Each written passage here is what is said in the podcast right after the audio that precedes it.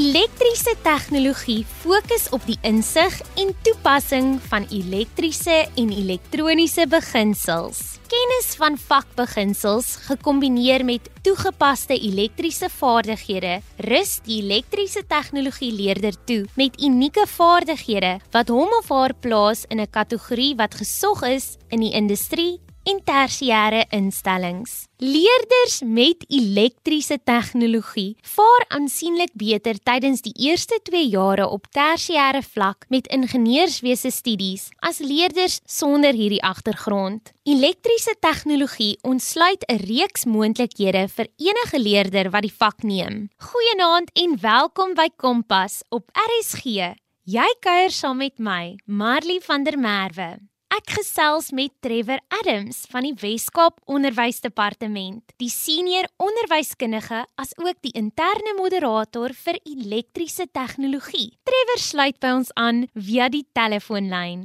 Hierdie program is aan jou gebring deur die Departement van Basiese Onderwys en SABC Opvoedkunde. Goeienaand uh, aan jou Marley en ook goeienaand aan al ons graad 12 leerders luisteraars. Soos gesê, my naam is Trevor Adams.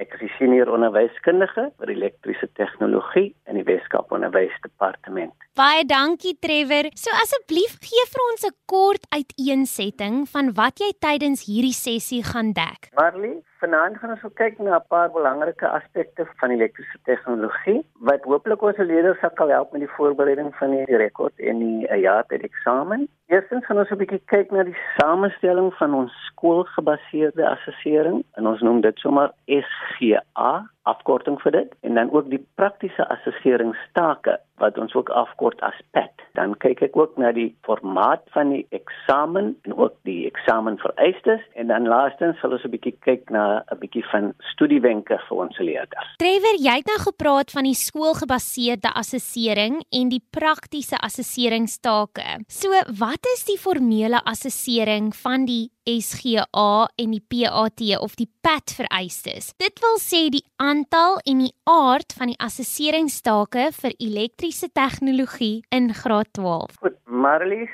soos ons gesê het, die skoolgebaseerde assesseringstaak een aspek en die tweede aspek van ons formele assessering is die praktiese assesseringstaak. Eerstens, as ons kyk na die skoolgebaseerde assesseringstaak, dit is 25% van ons finale eksamenpunt. Ons het dan eerstens kwartaal 1 het ons 'n opdragie en hy is 50 punte. Dit het reeds reeds gedoen eerste kwartaal. Dan as ons kyk na die tweede kwartaal, daar het ons 'n praktiese simulasie taakie. Sy punte is 200 punte en dan in hierdie kwartaal, die derde kwartaal het ons dan ons rekord eksamen wat 200 punte tel. So 200 punte vir daai vraestelletjie, dit is een vraestel wat hulle skryf. So ons leerders sal moet hard werk sodat hulle goeie punte kan kry vir daai spesifieke assesseringstaakie. Dan kyk ons na die praktiese assesseringsstaak, die PAT soos ons hom noem, en hy is 25%. In kwartaal 1 het ons 'n simulasie wat 50 punte tel en dit is ook die begin van ons projek want vir die praktiese assesseringstaak het ons simulasies en ook 'n projekkie wat ons doen. Dan Marley kwartaal 2 het ons 'n tweede simulasie wat ons doen wat ook 50 punte is en dan het ons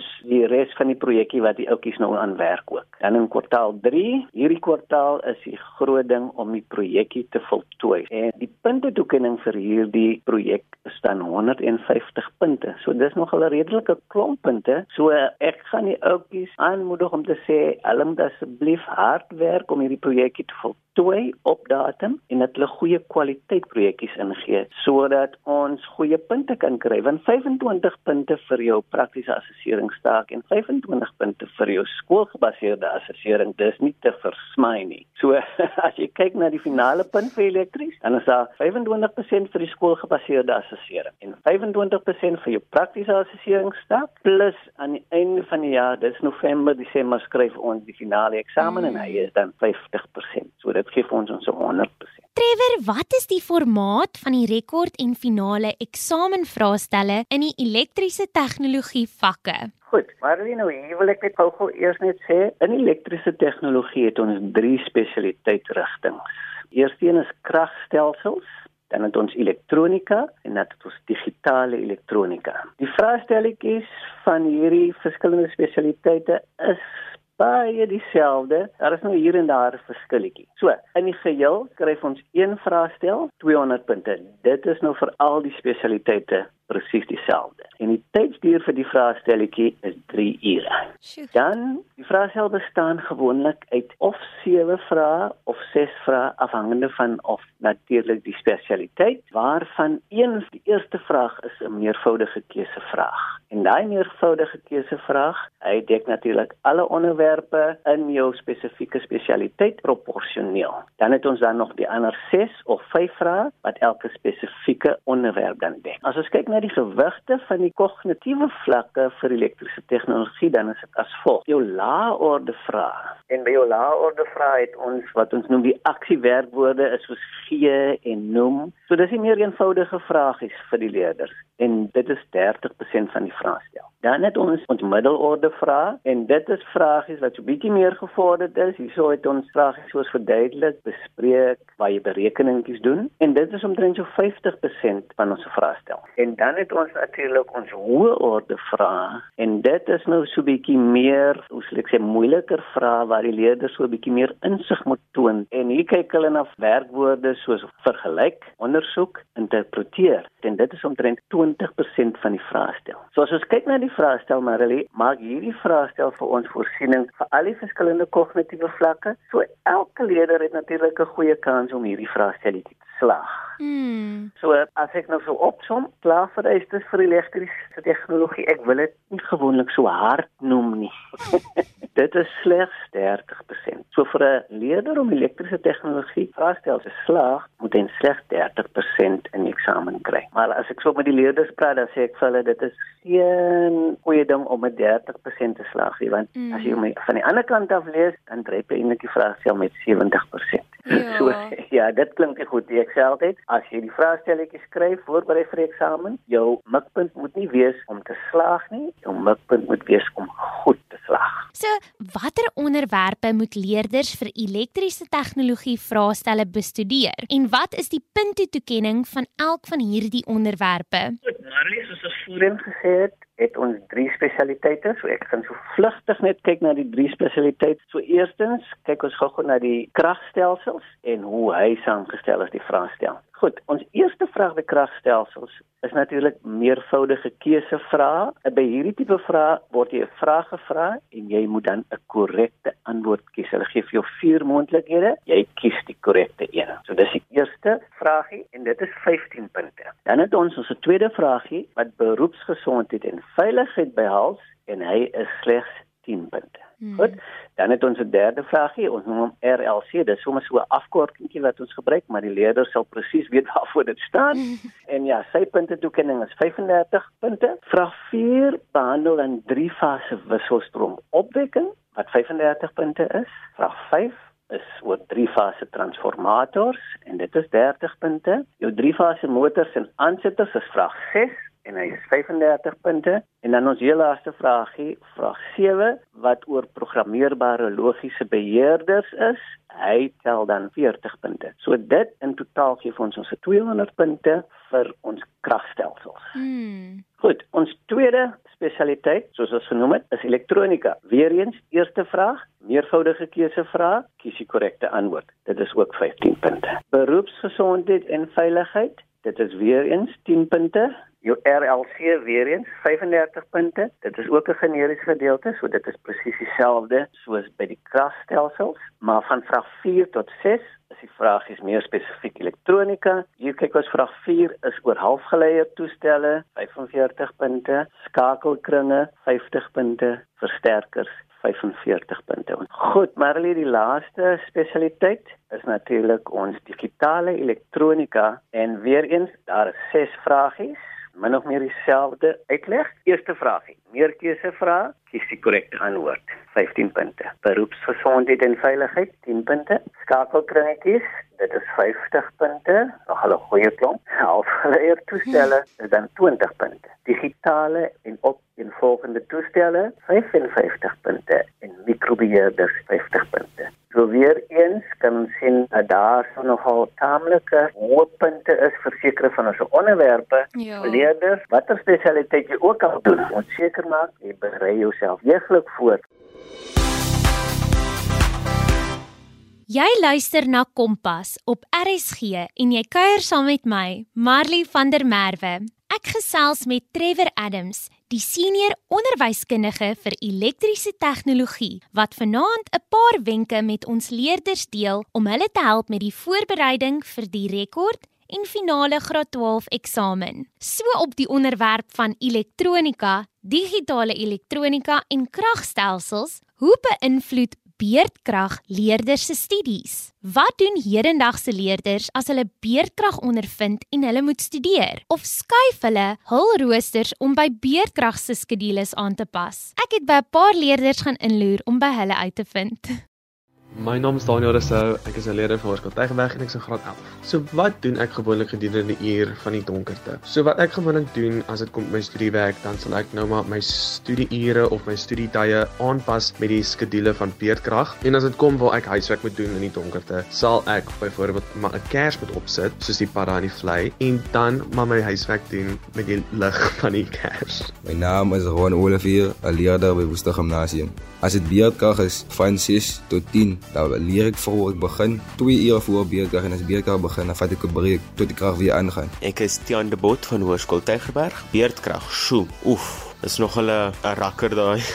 Wanneer ek uitvind daar speerkrag dan is dit nou wel sodat ek my hele skedule moet rondskuif want die eenvoudige waarheid is dat niemand wil hê dat die krag moet afwees en dan moet jy nog boonop dit in die donkerte nog ook huiswerk doen nie. Dit is moontlik ons het sulke ligte wat ons kan herlaai wanneer die krag aan is, maar dit is verskriklik moeilik en onnodig en net nee, geen mens wil dit doen nie. Ek is Cassandra van der Merwe, 'n leerder by Woester Gimnasium. Ek is een van 30 meisies in ons koshuis wat deur beerdkrag geaffekteer word. Toe beerdkrag meer gereeld was, het my ma 'n herlaaibare lig vir my gekoop wat ek gebruik om huiswerk te doen of laat aan te studeer. Maar soms voel beerdkrag soos 'n goeie verskoning om net te rus. Dit was dan verskeie leerders wat met my gedeel het watter invloed beerdkrag op hulle studies het. Hoe beplan jy jou agenda rondom beerdkrag se skedules? Ek sal graag van jou wil hoor. Gesels gerus saam op ons SMS lyn 45889 teen R1.50 of tweet ons by ZARSG. Nou bly die vraag egter, hoekom is dit belangrik om elektriese tegnologie op skool te hê? En wat is jou loopbaanvooruitsigte as jy die vak geneem het? Ingenieurswese studente het 'n voorsprong in hul studies as hulle die vak op skool geneem het. Ek het met 'n elektriese ingenieur gesels om ons meer oor hierdie beroep in te lig.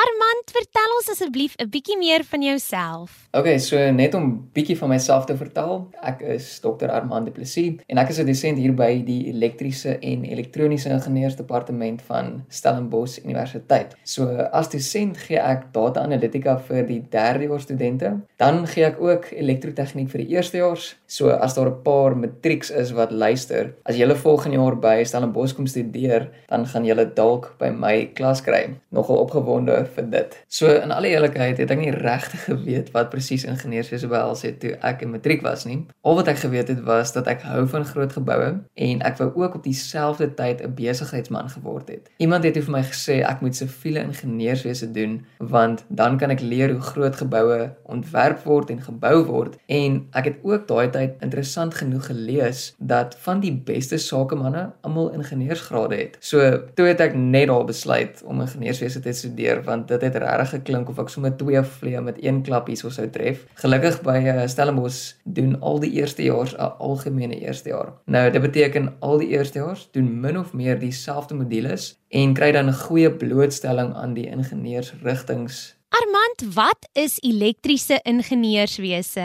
Okay, so by Stellenbosch praat ons nie net van elektriese ingenieurswese nie, maar ons praat eintlik van elektriese en elektroniese ingenieurswese. So net om dan nou behoorlik te onderskei tussen die twee, elektriese ingenieurswese is hoofsaaklik alles te doen met die opwekking, die transmissie en dan nou die verspreiding van elektriese krag en ook die ontwerp en ontwikkeling van groot elektriese masjiene, soos byvoorbeeld windturbines se generators. Ons hernubare energiestelsels is dan uiteindelik 'n baie goeie voorbeeld van elektriese ingenieurswese. Ek het nou onlangs die ook die voorreg gehad om uh, die universiteit te gaan verteenwoordig by 'n konferensie oor see. Ja, en een ding wat ek opgelet het was hulle ongelooflike infrastruktuur wat besig is om te ontwikkel vir elektriese karre. So hierdie voorsiening van krag en natuurlik die stelsels om ons elektriese karre te laai is ook 'n goeie voorbeeld van elektriese ingenieurswese. Aan die ander kant is elektroniese ingenieurswese dan nou alles wat te doen het met kleiner elektroniese stroombane en die sagte ware wat ontwikkel word sodat hierdie stroombane dan nou natuurlik verskillende funksies kan hê.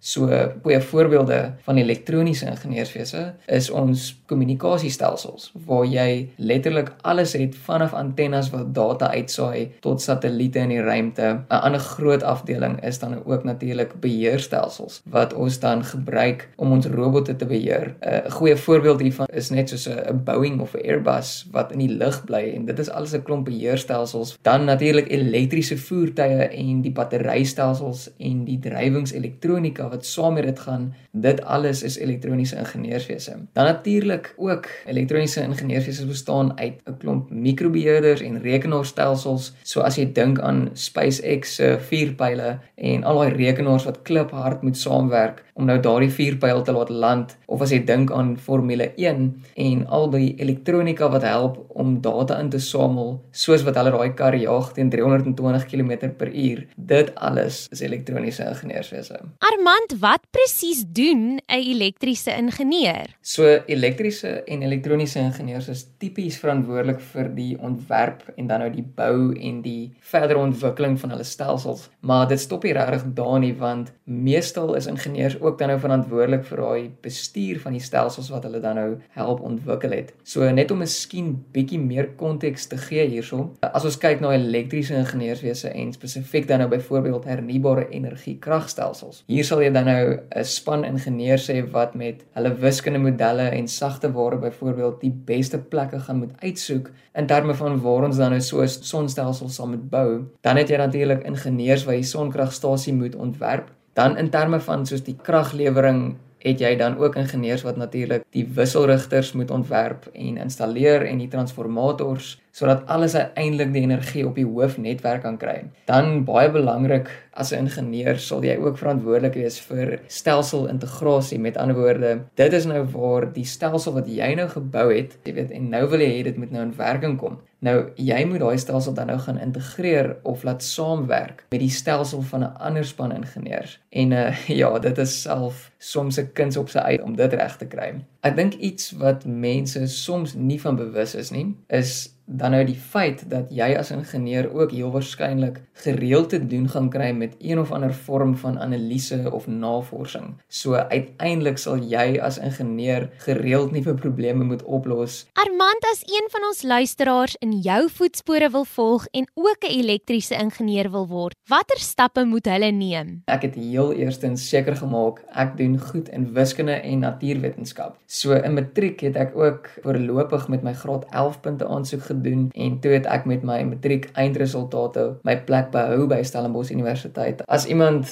nou vanaand luister, baie belangrik is maar net om te kwalifiseer, jy weet, vir 'n inskrywing by 'n universiteit soos byvoorbeeld Stellenbosch en uh, jy is nou in matriek, dan moet jy ten minste 70% kry vir wiskunde en vir fisiese wetenskap moet jy 'n minimum van 60% hê. Dan natuurlik jou algehele gemiddeld moet dan uiteindelik 70% wees. Maar ek moet nou ook bysê dit is regtig baie kompeterend. So as jy wil inkom by ingenieurswese, moet jy maar seker maak jy jy kry die hoogste moontlike punte wat jy kan kry Dan wil ek ook net sommer vir almal sê, weet, moet nooit dat geld jou laat dink jy kan nie gaan studeer nie. As jou punte goed genoeg is. So daar is byvoorbeeld beurse beskikbaar waarvoor jy kan aansoek doen. Ek het destyds nie 'n beurs gehad vir my ondergraadse studies nie. So as jy ook nie 'n beurs kry vir jou studie nie, dan kan jy altyd 'n studentelening kry of 'n ander manier is om 'n maatskappy te vra om jou studies te betaal en in ruil daarvoor dat jy dan na jou studies vir hulle byvoorbeeld 2 of 3 jaar sal gaan werk. Dit was dan Armand Du Plessis. Terug by vanaand se onderwerp. Wat kan leerders doen om sukses te verseker en goeie punte te verwerf in die eindeksamen vir elektriese tegnologie? Ek is baie nuuskierig om Trevor Adams se studiewenke te hoor. Jy luister na Kompas op RSG.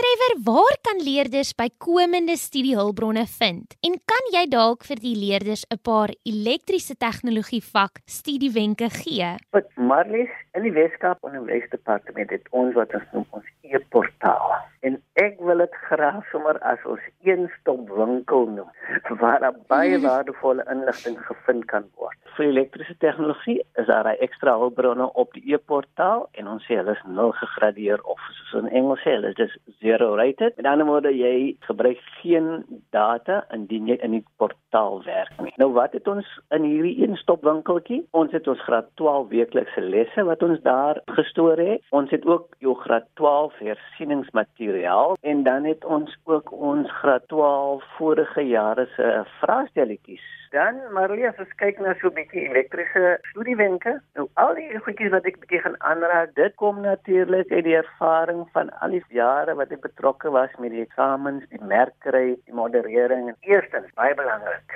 lees jou vrae noukeurig deeglik en met begrip. Jy moet dan kyk na al die aksiewerkwoorde, byvoorbeeld die noem, die bespreek, die bereken, teken, die verduidelik en so voort en dan beantwoord jy wat gevra word. Want baie keer lees ons leerders nie die vragies duidelik nie en hulle begin dan sommer net antwoord en hulle antwoord die vraag heel verkeerd. Goed, dan moet hulle altyd onthou die punte toekenning vir 'n vraag. 'n Aanleiding van die aantal feite wat gegee moet word. Byvoorbeeld 2 punte vraag vereis ten minste 2 feite. Dan het ons 'n belangrike aspek van die elektriese tegnologie. Nou 'n formuleblad word vir die leerders gegee aan die einde van die vraestel. Jy het presies al die inligting daar. Maar dit is nou altyd vir my belangrik dat leerders moet die korrekte formules kan ken en ook die toepassing van al hierdie formules al word dit gegee. Want ons ervaar baie keer leerders gebruik nog steeds verkeerde formules vir verkeerde toepassing. En dan so direk gekoppel aan die formules maar is dan ook die manipulasie van formules. En baie van ons vragies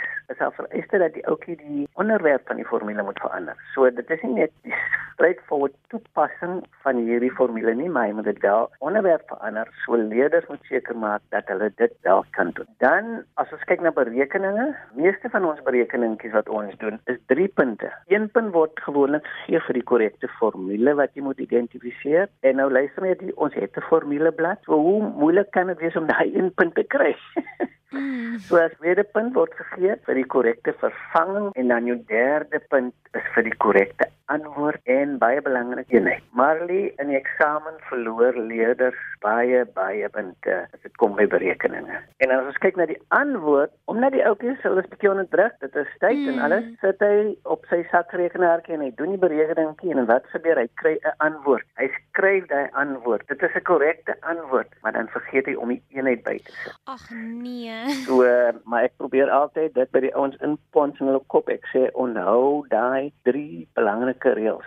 Korrekte formule, korrekte vervanging en die antwoord met die eenheid. Dan die volgende enetjie is kenkromme van die verskillende komponente wat leerders moet ken. Dit is spesifiek met verwysing na elektronika. Ek sou leerders moet die kenkromme kan identifiseer en hulle moet ook dit kan interpreteer. Na meting en die teken van inset en uitset golfvorms by elektronika weer eens. So leerders moet dit kan teken, hulle moet dit verstaan, hulle moet weet wat is ons uitset indien ons 'n sekere inset kan kry. Goed, as ons ook kyk dan weer iets anders is stroombane. Jy moet al die verskillende stroombaandiagramme, blokdiagramme, funksie van komponente en die werking van daai goedjies moet jy ken. Voor ons leerders moet seker maak dat hy vir 'n stelsel kan ontwerp waar hy daai verskillende stroombaandiagrammetjies en blokdiagrammetjies kan identifiseer. Hy moet die funksie van verskillende komponentjies binne daai stroombaan moet ken en ook die algemene werking van die kringetjies. Goed, 'n volgende dingetjie dink ek is belangrik, die interpretasie, verstaan en teken van tyddiagramme en dit is spesifiek in digitale elektronika. Goed, ietsie wat elke onderwyser eintlik vir hulle leerders moes gee en indien van ons leerders dit nie het nie, moet hulle asseblief by hulle onderwyser vra om vir hulle die eksamenriglyn vir die vak te gee. En daai eksamenriglyn gee vir jou so 'n bietjie meer detail rondom wat die eksamenpaneel na gaan kyk. Dan tydbestuur is vir my belangrik. Moenie te veel tyd aan jou moeilike vrae spandeer nie. Soms is 'n moeilike vraag aan die begin van 'n vraestel en dan spandeer jy soveel tyd en dan in 'n later stadium in die, van die ander vraag kom jy wat jy moontlik kon beantwoord het en jy dan nie genoeg tyd om die vraag dan behoorlik te beantwoord. Net so 'n rowwe meting wat ek gebruik, ek sê 1 minuut, 1 punt. Hou hom daarby. Dan soos ek gesê het, op ons e-portaal en ook op die nasionale webtuiste is daar vorige vraestelle, eksamenvraestelle met die memos as 'n leerhulpbron, maar gebruik asseblief hierdie hulpbron reg. Sommige leerders dink hy moet van die memo na die vraestel toe werk.